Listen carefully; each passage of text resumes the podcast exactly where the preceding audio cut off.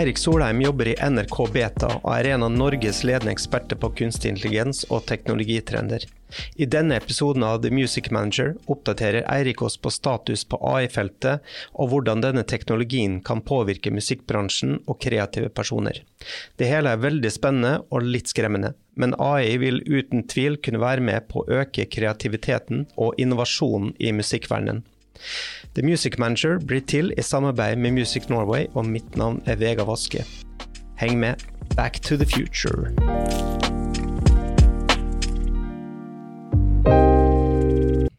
Eirik Solheim fra NRK, eh, velkommen. Takk for det.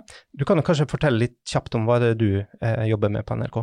Jeg jobber i en liten avdeling som vi kaller for NRK Beta, eh, som er en slags sånn utviklingsavdeling som, eh, som har tre sånn hoved, eh, hovedoppgaver. Det ene er nrkbeta.no, som er teknologinettsidene til NRK. Der skriver vi eh, om eh, teknologiutvikling og nye tjenester, og, og, skriver en del om hvordan vi jobber i NRK også, av og til når det er av interesse.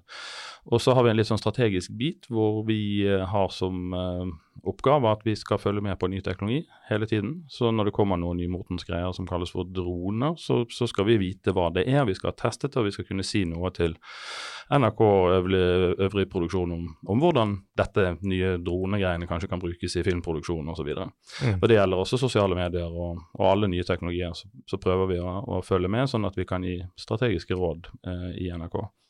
Og så har vi en sånn liten sånn eh, Petter Smart-avdeling, hvor vi faktisk også koser oss med å bygge ting. Bygge utstyr, 3D-print og lodde og lage greier. Hvor, hvor Jeg ser du lyser opp av med entusiasme her nå. Så. Ja, ja, ja. Det er vel eh, Jon Ståle Karlsen også som er den eneste i NRK som har tittelen oppfinner. Så, der, eh, så, det er den siste delen. Da lager vi ting. Og det er jo kjempegøy, selvfølgelig, å bygge, bygge greier. Ja. Men mine folk på NRK sier i hvert fall at du er den største eksperten på kunstig intelligens slash AI eh, der oppe på Marienlyst.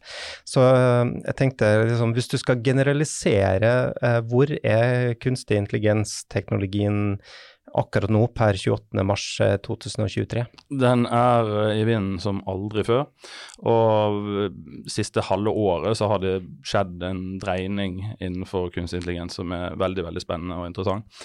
Eh, kunstig intelligens har vi holdt på med i flerfoldige tiår i dataverden, og eh, ikke sett den så tydelig. altså Det er sikkert en del som husker at, uh, at det var en datamaskin som, som, er veldig flink til å spille sjakk, og som slår de beste sjakkmesterne.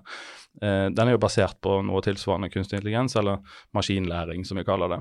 Og når du sitter og scroller hvileløst på TikTok eller Facebook, hele denne feeden, og, og, dette som vi har snakket om, vi har kanskje bare kalt det for algoritmene som, som styrer hva du får opp i feeden, det er også basert på maskinlæring eller kunstig intelligens. Mm. Så det er noe som vi har hatt lenge, men vi har liksom ikke lagt så veldig merke til det.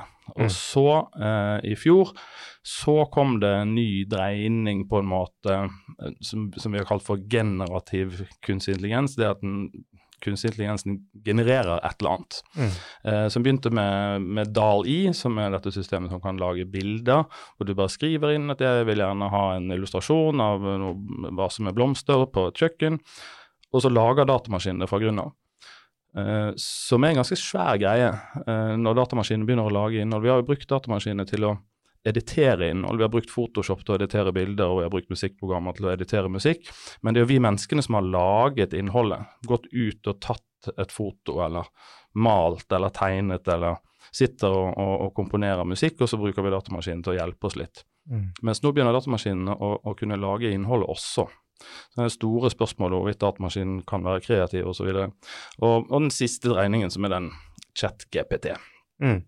som sikkert mange har prøvd, hvor du kan gå inn som en eh, en chatbot på steroider, på en måte. Hvis du tenker chatbot og tenker på den der eh, kundeservice-chatboten til banken din, så er det jo den mest idiotiske chatboten som finnes i hele verden, som ikke kan svare på noe fornuftig. Mm.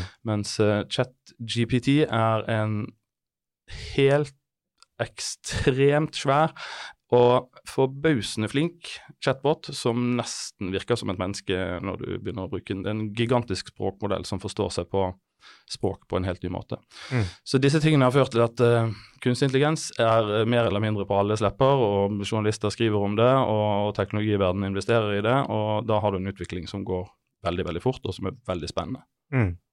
Men hvem er det hva, hva, skal jeg si, hvem er det som eier eh, den teknologien, da? Det, er det på noen få hender, eller er det Ja. på mange hender? Det er på, på en måte på ganske få hender, ja. For det, det å lage disse store modellene altså dette Systemene fungerer litt, litt sånn som vår menneskelige hjerne. og det vet at det er forskere og, og teknologer som, som vrir seg i stolen når man begynner å sammenligne for mye med vår hjerne og, og det som vi kanskje kaller for ekte intelligens. da. Men eh, systemene fungerer sånn at du, du har et stort, komplekst datasystem som du kan eh, mate med masse data eller masse innhold. Og over tid så lærer på en måte denne modellen eh, noe om disse dataene du dytter inn. Sånn at hvis du tar og dytter inn helt enorme mengder med sjakktrekk, så har du til slutt en modell som forstår hvordan sjakk fungerer. Og, og Google har jo på med dette. Hvis du søker etter eh, i bildesøk til Google, så søker du etter hund. Så får du masse bilder av hund. Mm. Og, og der har de brukt kunstig intelligens for å lage det systemet som gjør at deres datamaskiner forstår hva en hund er. Mm. Rett og slett bare matet maskinen med enorme mengder med bilder av hund, og til slutt så forstår den modellen hva en hund er. Litt sånn som et lite barn som, som ikke vet hva en hund er. Så går du rundt og så peker du på en hund, og så sier du det er en hund. Og så kommer det en annen hund forbi, og så peker du på den og sier det er også en hund. Og så sitter du i en billedbok, og så peker du på bildet av en hund og sier at det er en hund. Og til slutt så kan barnet si at ah, det er en hund, når det Mm. kommer en helt ny hund forbi. Mm. Så disse kunstig intelligenssystemene lærer litt på samme måten. Mm. Og da er det sånn at det er veldig komplekst å trene disse modellene, og da er det de største teknologiselskapene, de med mest penger, som, som har råd til å lage sånne store, komplekse modeller. Altså det er Google og Meta, som eh, moderselskapet til Facebook heter nå, og Apple holder nok på med ganske svære greier. Eh, og så er dette selskapet som heter OpenAI, som Microsoft har investert mye i.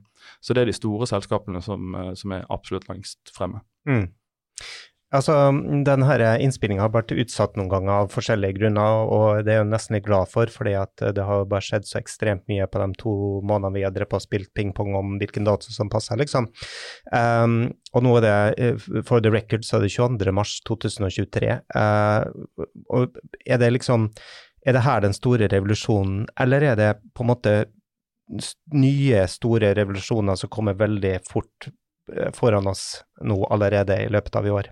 Akkurat nå så, så foregår den utviklingen veldig, veldig fort. Og det er jo for sånne som meg som følger med på ny teknologi hele tiden, så har jo vi altså vi har vært litt skuffet vet du, de siste årene. Når Apple går på scenen med ny versjon av iPhone, og så står de der og så ja, kameraet er litt bedre enn i fjor. Ja vel, gjesp.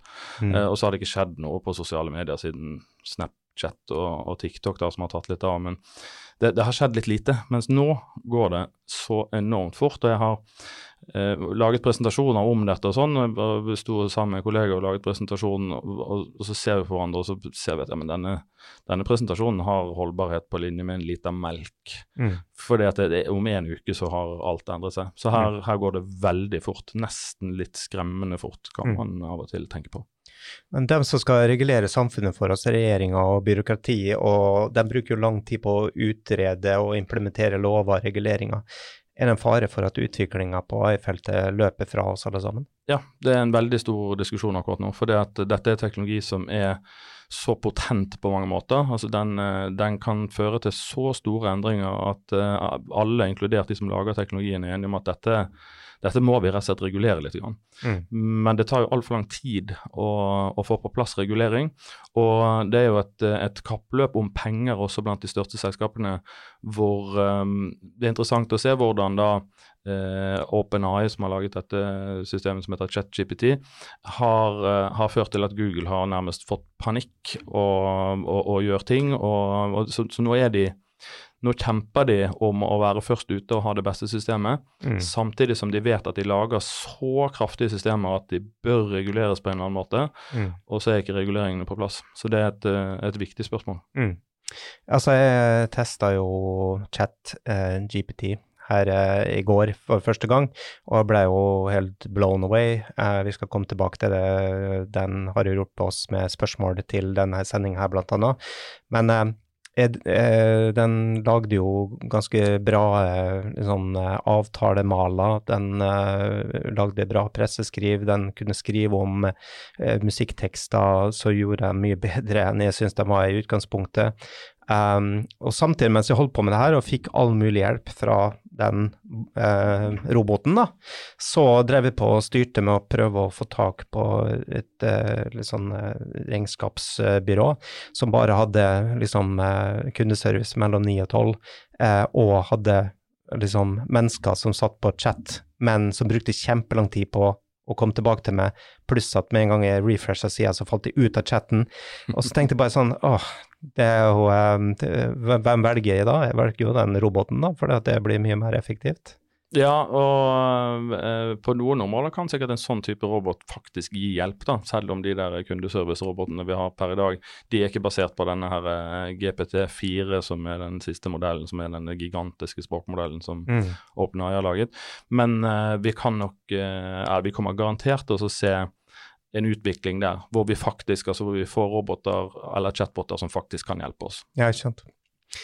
Eh, nå skal vi jo prøve å smale det inn eh, i forhold til musikkfeltet. og Det har kommet en del musikktjenester som Boomy, Soundful, Bandlab, Songstarter og Authentic Artist, som er såkalt generativ artificial intelligence. Eh, gjennom disse man kun, kan man generere musikk uten mye kunnskap eller trening.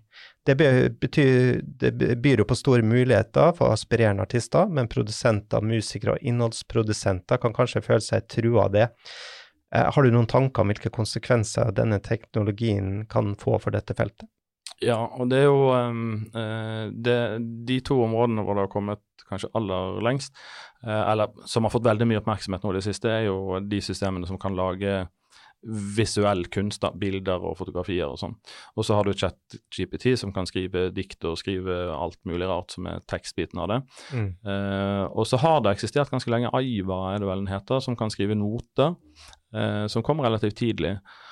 Og sånn som jeg ser det nå, i hvert fall, enten du er fotograf eller du, du er skrivende journalist eller du er musiker, eh, så kommer det nå verktøy inn som kan og da vil jeg bruke ordet 'hjelpe deg' mer enn å erstatte deg. Mm. Eh, for jeg tror at disse verktøyene relativt lenge så kommer de inn, og så kan de hjelpe oss med, med den kreative prosessen.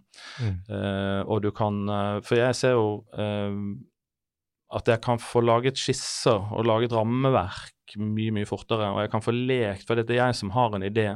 Det er sånn at Eh, selv om vi kaller dette for kunstig intelligens, så, så egentlig mangler intelligensen oppi dette her. Det er en mm. datamaskin som kan utføre en oppgave, og det er fremdeles vi som som tenker, og datamaskinen som utfører. Og så har vi fått verktøy som gjør at datamaskinen kan utføre, og så blir vi nesten skremt av det fordi den utfører det så bra.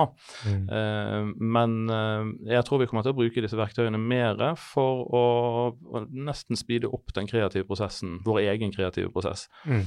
Hvor vi kan bruke det for å, å lage skisser. Og, og, man merker jo det altså hvis du setter det ned med både med ChatGPT eller med DALI eller Midjourney eller Stable Diffusion, som er disse som, systemene som kan lage bilder, eh, så løper jo fantasien løpsk veldig fort. Du blir jo sittende resten av kvelden og lage nye bilder og nye bilder, og, og, og du tenker 'Å, jeg skulle gjerne hatt en bilde av' så, så, fantasien bobler jo over når du mm. har et så kraftig verktøy foran deg. Og det gjør det jo innenfor musikk og noe av de, eh, de aller mest avanserte systemene som kan lage musikk sånn helt fra grunnen av. Mm basert på en såkalt prompt eller en kommando eller instruksjon som du gir inn. Det er litt sånn som for bildesystemet, hvis du sier at jeg vil ha bilde av en hva som er blomster, så, så får du det. Mm. Så kan du med disse aller nye systemene så kan du si at jeg vil ha litt musikk som høres litt ut som drum and bass og litt sånn hvor jeg vil gjerne, og, og, så, og så lager den mm. den musikken. Mm.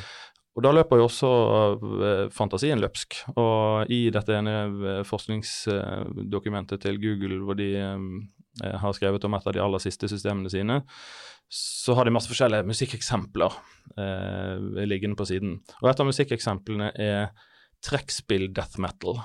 Mm -hmm. Og du skjønner jo da at disse ingeniørene har sittet og fantasien har begynt å løpe løpsk, og de mm. ja, men da må vi jo prøve å lage trekkspill death metal. Yeah. Og da lager datamaskinen det. Og, og, det er jo ikke, det er jo, og det høres jo ikke spesielt bra ut, men, mm. men det er noe som kan være med å hjelpe den kreative prosessen. Mm. Og jeg tenker at det er der vi er i, i første omgang, i hvert fall. Ja, jeg merka det også i går, da, når jeg ja, hadde litt dårlig tid og tenkte åh, nå må jeg fort med å lage noen spørsmål til uh, Eirik, liksom. Og så tenkte jeg ok, jeg tester hvordan det her funker, da. Og så var det jo uh, Der kom det jo veldig mange gode ideer til vinkling og spørsmål og sånn, mm. samtidig som vi måtte liksom luke bort noe, for det traff ikke helt. Ja. Så det er jo, som du sier, da, en veldig på en måte Kan være en sånn kickstart for å få ting til, men du må på en måte Jeg føltes i hvert fall da at du må liksom manøvrere det rundt det uansett, liksom. I aller høyeste grad. Og den uh, ChatGPT uh, er er på én måte litt skummel, fordi at den svarer med høy selvtillit på alle spørsmål du gir den. Ja. Og du kan ikke være sikker på at den svarer riktig. Mm. Den lyver så det renner. Mm. Så det var en eller annen som skrev på Twitter at uh, ChatGPT den er bare mains, mansplaining as a service. Ja.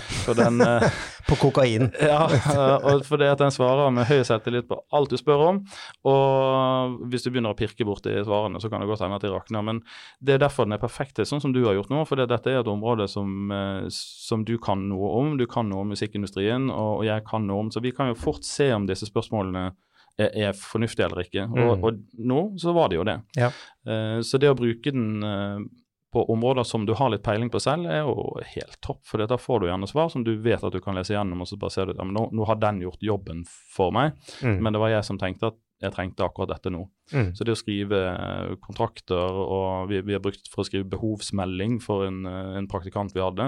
Mm. Spot on behov, altså behovsmelding. Det var Han skulle bruke 100 timer på å Python-programmere automatiseringsprogram bare for GoPro. Det er Mm. ganske komplekse greier, og vi ante ikke helt hvordan vi skulle gjøre det.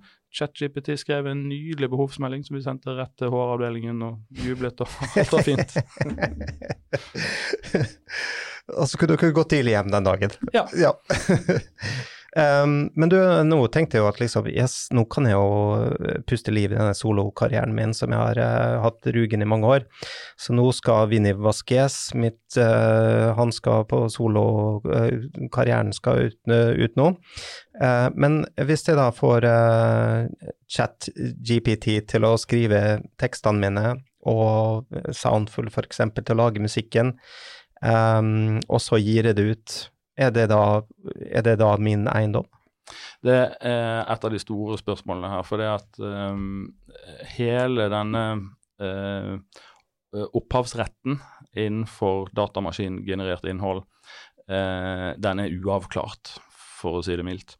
Uh, jeg fant et eksempel. altså For syv-åtte år siden var det vel, så, så var det en apekatt i en zoologisk hage som fikk tak i kamera og, og tok en selfie av seg selv.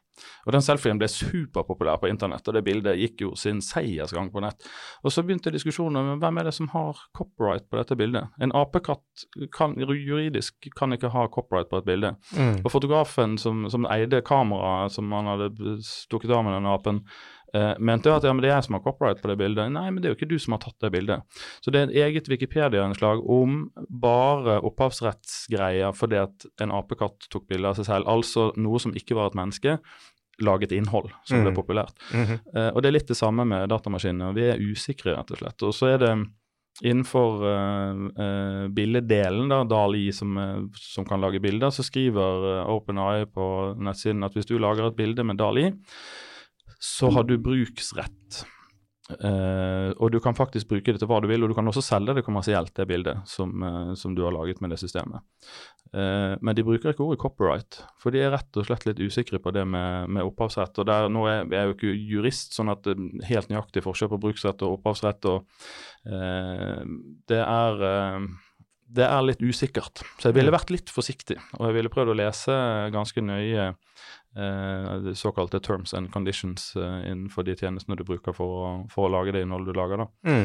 Eh, Ja, ja. for hvis du setter på spissen og sier at uh, Vinni Vasquez uh, slipper en låt med eh, med altså tekst lagd av uh, ChatGPT, og så en måned etterpå så kommer det Kan det da være at en artist kommer og sier hei, det der er jo min tekst, den er jo helt lik min, som jeg ga ut for Eller dobbeltsjekke ChatGPT at uh, det ikke uh, At den teksten ikke har vært lagd før?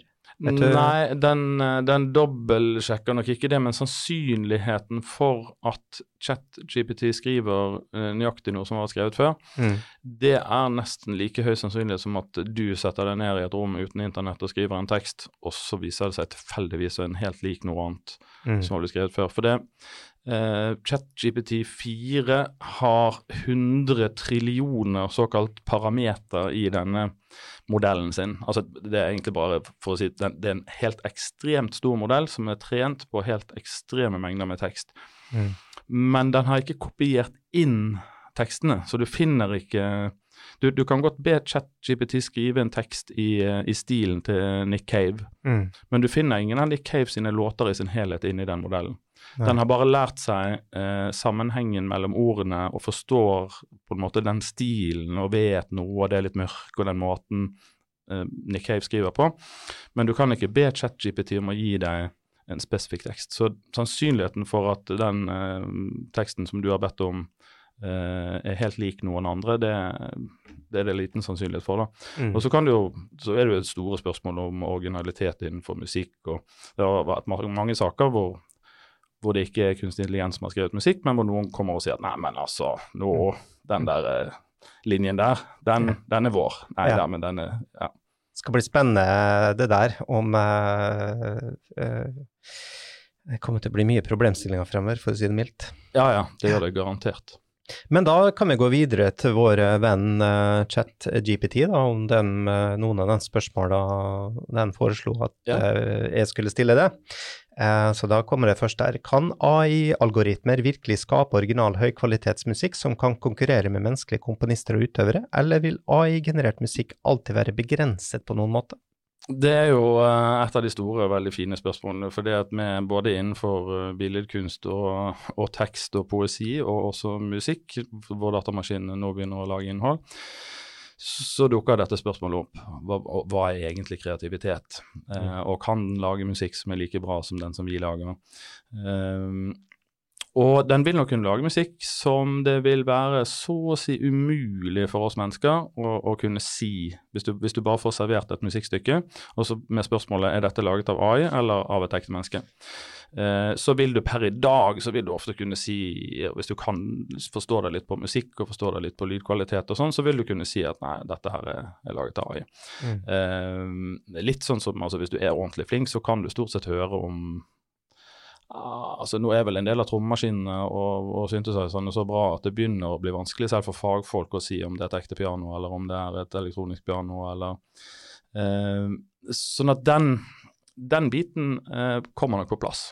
Mm. Hvor eh, maskinene kan lage musikk som vil være nesten umulig for oss mennesker å, å, kunne si om det er laget av en datamaskin eller ikke. Men så har du det andre store spørsmålet om, om kreativitet og, og hva som er originalt og ikke ikke, fordi at den lager jo bare musikk basert på at den er trent opp på alt som finnes av musikk per i dag. Mm. Så kan du jo si at alle musikere gjør jo egentlig akkurat det samme.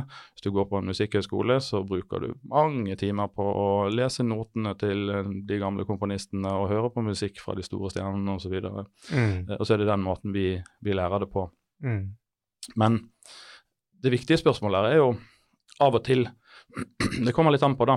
Eh, rollen til musikken som sådan. Og da må vi liksom løfte det opp på, på et litt sånn større filosofisk nivå, nesten. Noen ganger så, så har du musikk bare fordi at du vil ha noe lyd i bakgrunnen. Mm. Uh, så, så, kanskje altså sånn Jeg vet ikke om jeg ville nå gått all in på å bli sånn heismusikkomponist. For det kan nok erstattes av AI relativt greit. Og, og, mye av musikken som triller og går kanskje i butikker og som sånn bakgrunnsgreie, mm.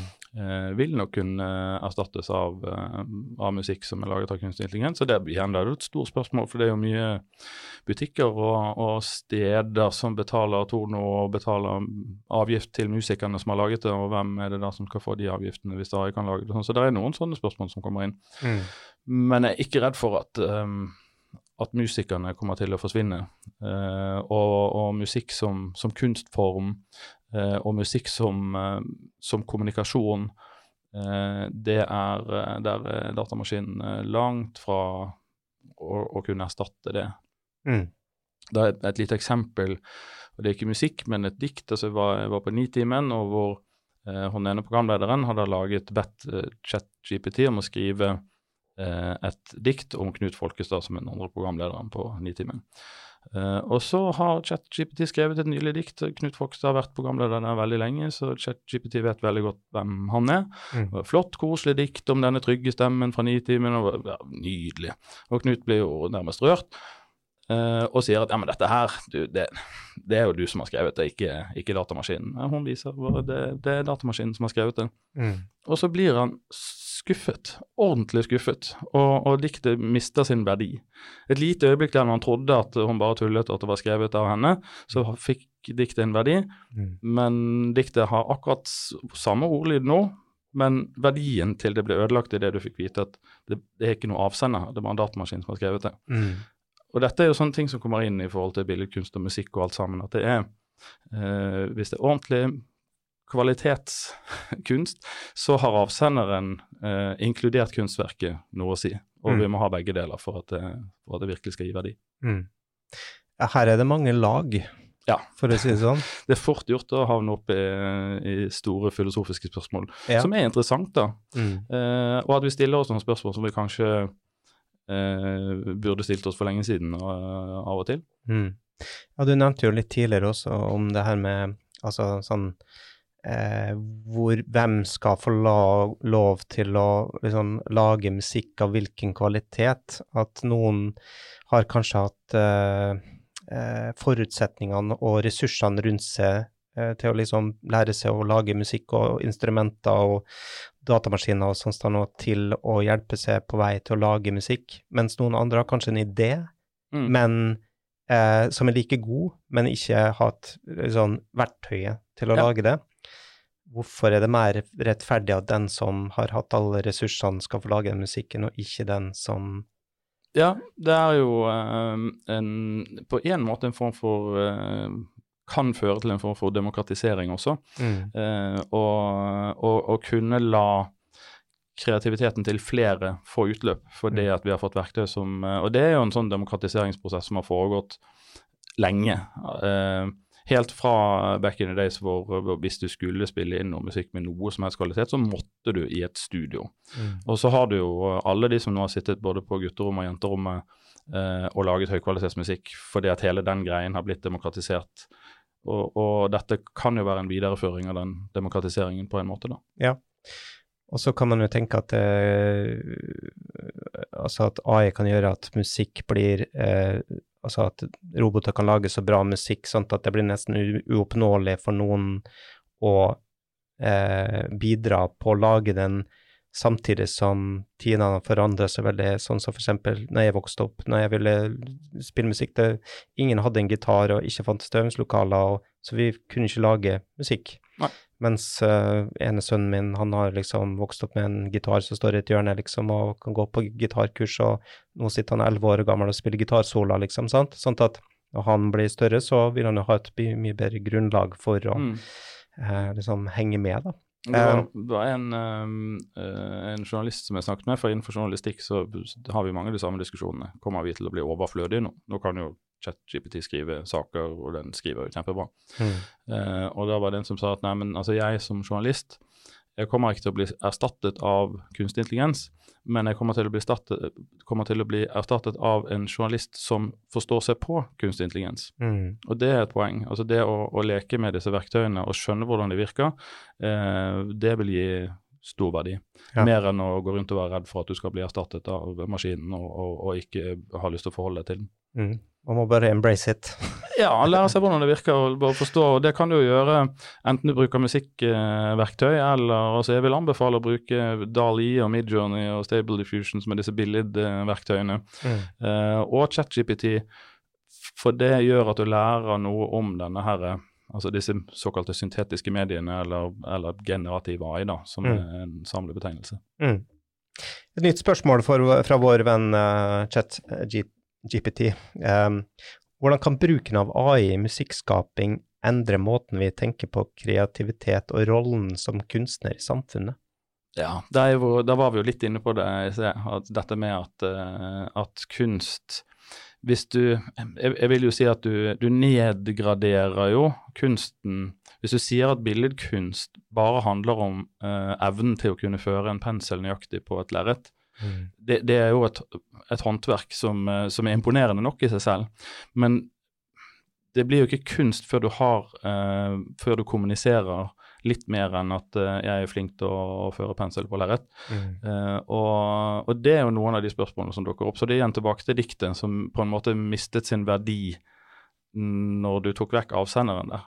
Uh, og det vil nok være noe av det samme innenfor musikk også. Mm. Og der har vi mennesker et eller annet. Og vi har jo etter to-tre år med, med, pandemier og pest, og, og, hvor vi hadde lite kontakt med hverandre, så merket vi jo det behovet vi har for mm. å også stå i en konsertsal og se ekte musikere og, og, komme ut blant folk. og Jeg tror ikke vi skal være så redd for at det kommer til å bare forsvinne over natten. Nei.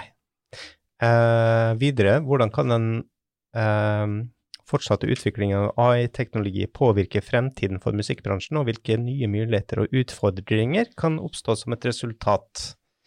Eh, det er jo du, skal eh, sikkert mye, men eh. Ja, store, store, fine spørsmål. Men eh, det jeg tror i første omgang så er det en eh, at det kan eh, få fart på den kreative prosessen fordi at du har fått et slags skisseverktøy eh, som du kan bruke. Både hvis du skal skrive en tekst, så kan du bruke ChatGPT til å hjelpe deg å skrive på, på rim og, og, og leke, med, leke, med, ord eh, og, og, tekst, og en del av disse musikkverktøyene for å, for å kunne lage skisser. Sånn at eh, i første omgang så tenker jeg at eh, det vil kunne hjelpe oss til å bli mer kreative heller enn at vi skal bli mindre. Mm.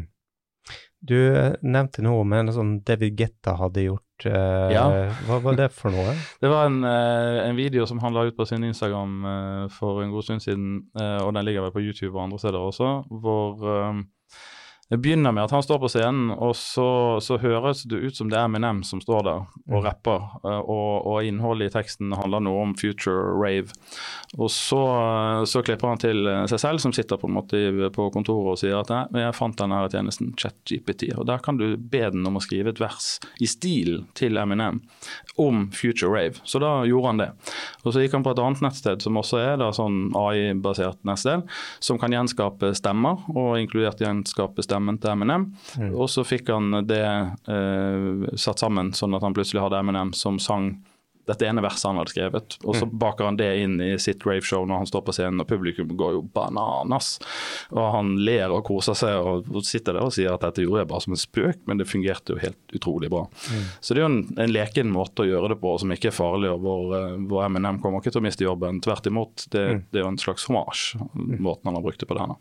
Ja, så så jeg at han har lagt til en liksom kommentar altså Getta, da, om at eh, jeg kommer ikke til å utgi denne her kommersielt. Nei, og det tror jeg er lurt, for der er det hele det der uavklarte spørsmålet om, uh, om opphavsrett. Og, mm. og det har vi jo, på, på, akkurat det der så er det jo et, et lite klipp på en måte. Kanskje han kommer inn under noe sånn sitatrett, eller, altså, men det er så komplisert og det er ikke tydelige svar på den. Da, så jeg tror det er lurt av David Getta å, ikke gi dette ut som et uh, mm. uh, på noe album kommersielt ennå, nei. Ja. Jeg kom til å tenke på, det her er jo ikke liksom uh, uh, altså robotgenerert på noen som helst måte, da. Men en artist som het, uh, som het Juice World, han døde jo for noen år siden. Men jeg tror sist fredag så kom det liksom en ny singel ut, og det kommer stadig musikk ut med han. Som da er fordi at han lagde ekstremt mye låter, sånn at det er jo de tingene som blir utgitt av ting som har liksom ligget i arkivet, da. Så kan mm. man jo sette spørsmålstegn ved hvor, eh, hvor, liksom, eh, etikken og alt mulig er å, å, gi ut verket til en som er død. men mm. Kanskje det, liksom, det her er også en side av det at mange artister kommer til å liksom, Karrieren deres kommer til å leve videre gjennom Ja, det, det er et, eh, et, en interessant diskusjon. For det betyr jo at vi på en måte kan vekke Rembrandt til live igjen og få nye Rembrandt-malerier. Mm. av altså Rembrandt fikk aldri malt et bilde av et fly. Eller en datamaskin. Eller. Mm. Og nå kan vi plutselig få det. altså blir det jo kanskje litt sånn kitschy på en måte, da, men, men det er jo en måte å uh, kunne videreføre noe også etter at folk dør. Og de har jo gjort det når det gjelder stemmer, og sånn at de gjenskaper stemmen til en som da kan voice en film om seg selv selv etter at personen mistet stemmen sin og sånn. Mm. Uh, og uh, skuespillere som sier at ja, men greit, lag, lag, en modell av stemmen min, men så skal jeg ha betalt hver gang dere bruker den. Men da kan jeg sitte hjemme og drikke hvitvin, og så kan, kan dere bare bruke den datamaskinen til å voice når jeg ikke er der. Mm. Ja, så det er mange, eh, mange viktige spørsmål her. Det er en TV-serie som kom nå. Eh, som heter Deepfake Neighboring Wars. og Der har de brukt sånne deepfake-teknologi til å gjenskape ansiktene til veldig veldig kjente mennesker. Mm. Så de kjente menneskene de er ikke med. De, er ikke skuespillere her i det hele tatt. Alt er bare generert, uh, datagenerert. Mm. Uh, og Der er det jo spørsmål om Ja, men altså det selskapet som har laget denne serien, tjener penger på ansiktene til disse menneskene som ikke er med, og som ikke har blitt spurt om å være med. Mm. Uh, det, er, ja, det dukker opp spørsmål. Uh, etiske spørsmål og mange andre viktige spørsmål når man begynner å grave i dette. her. jeg, får, jeg satt og tenkte at jeg får litt sånn på ene siden så ble jeg helt sånn oppslukt og wow og fascinert og liksom oppglødd. På andre siden så ble jeg sånn, fikk veldig lyst til å se på der ingen skulle tro at noen kunne bo. det var liksom bare Ja, men det er altså vi er i den der NRK Beta-kroken og jeg sitter, vi har vært veldig involvert i disse minutt for minutt-prosjektene som har jo slått an noe så til de grader mye mer enn vi trodde. Ja. Så det er mulig at det er en litt sånn motbevegelse òg, hvor, hvor, det er bare ekte. og det, det går minutt for minutt og det er ikke noe Mm. Men jeg sier ja takk, begge deler. Så, ja, du, du, ser jo også i musikk så ser du jo også en del litt sånn eh, motreaksjoner gjennom at f.eks. Eh, det gis ut en del musikk som, er, som har blitt populær med ganske sånn dårlig lydkvalitet. Eh, enten at den er liksom skarp og diskant og hard, eller at det bare høres veldig sånn retro, spilt inn rett på fire spors. Mm. Eh, eh, og, og, den appellerer jo kanskje enda mer til folk enn en liksom datagenerert musikk. sant? Så, ja. så, det er liksom Alt har sine sider, da. Men uh, er noen av liksom, de teknologiene og verktøyene for og her er det åpen, her er det chat GPT som spør igjen, da. Uh, er noen av hva er de mest lovende nye teknologiene og verktøyene for AI-assistert musikkskapning, og hvordan kan disse teknologiene utvikle seg i årene som kommer? Touch litt inn på det han eh, er ikke perfekt her, da. Han toucher litt inn på det noe han har spurt om før. Mm. Uh, nei, det er uh, Og det er jo veldig vanskelig å si noe om uh, fremtiden her, fordi at ting går så ekstremt fort. og det er litt tilbake til det å akkurat nå kaste seg over alle de verktøyene du, du, finner som du kan leke litt med. Eh, og De aller fleste av disse verktøyene har gratisversjoner som i hvert fall er gratis en periode. Eh, på DALI så kan du få lage, lage ganske mange gratisbilder før, før, du eventuelt må betale for å lage flere. Mm. ChatGPT er også gratis. Det finnes en betalversjon hvor du får tilgang til den aller siste modellen, som er GPT4-modellen, som er enda mer avansert enn den andre. Eh, men de har varianter som er gratis tilgjengelig. Og igjen så vil jeg anbefale, enten du er musiker eller billedkunstner eller, eller tekstforfatter, så bruk disse verktøyene og lek med dem, alle de du kan leke med, for da lærer du litt hvordan det er. Og det er jo, jeg ser jo eh, innenfor um, eh, billeddelen av dette som nå tok så voldsomt av i fjor, eh, de som er som har lekt mye med det og er flinke til å skrive såkalte prompts, eller altså disse kommandoene som du, når, når, du skal be om et bilde, så må du skrive hvordan dette bildet skal se ut. Mm. De som er flinke til å skrive sånne prompts, mm. de får jo utrolig mye bedre resultater ut av uh, systemene enn, enn, hvis ikke du er så flink til det. Mm. Og, og, det blir jo litt det samme uh, enten jeg jobber med en, hvis jeg jobber med en profesjonell fotograf eller en illustratør eller en musiker, til og med. Eh, jeg har laget en dokumentar, dokumentarfilm, og så leier jeg inn en musiker for å lage musikken til den dokumentarfilmen. Mm. Eh, så må jo jeg være en god kunde. Jeg må kunne forklare, for det, holder ikke å bare si til musikeren ja, bare, bare lag noe musikk til den filmen. Mm. Altså, jeg må jo beskrive.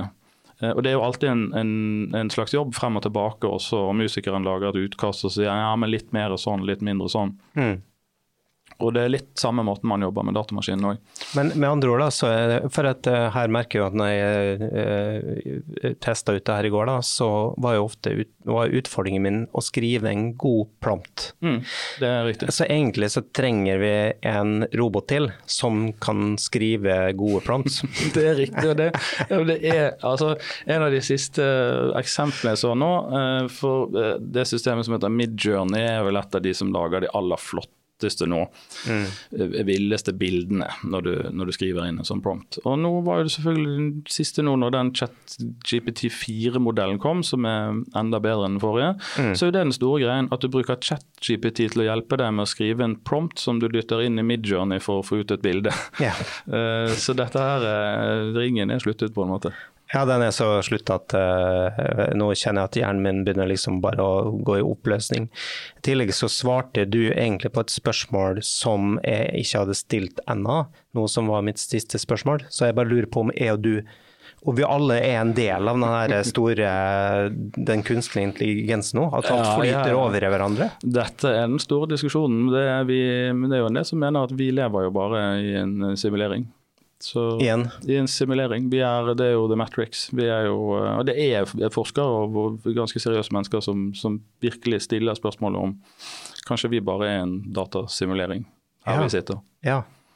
For av og til så kan jeg få sånn derre sånn, Først noen ganger i året så får jeg sånn, bare sånn derre sånn, Altså, man er liksom så o, o, man er så i gang i sitt vanlige liv og alle trivialitetene og hverdag og død og død, og så plutselig får man sånne utenfra et perspektiv der man bare sånn ja.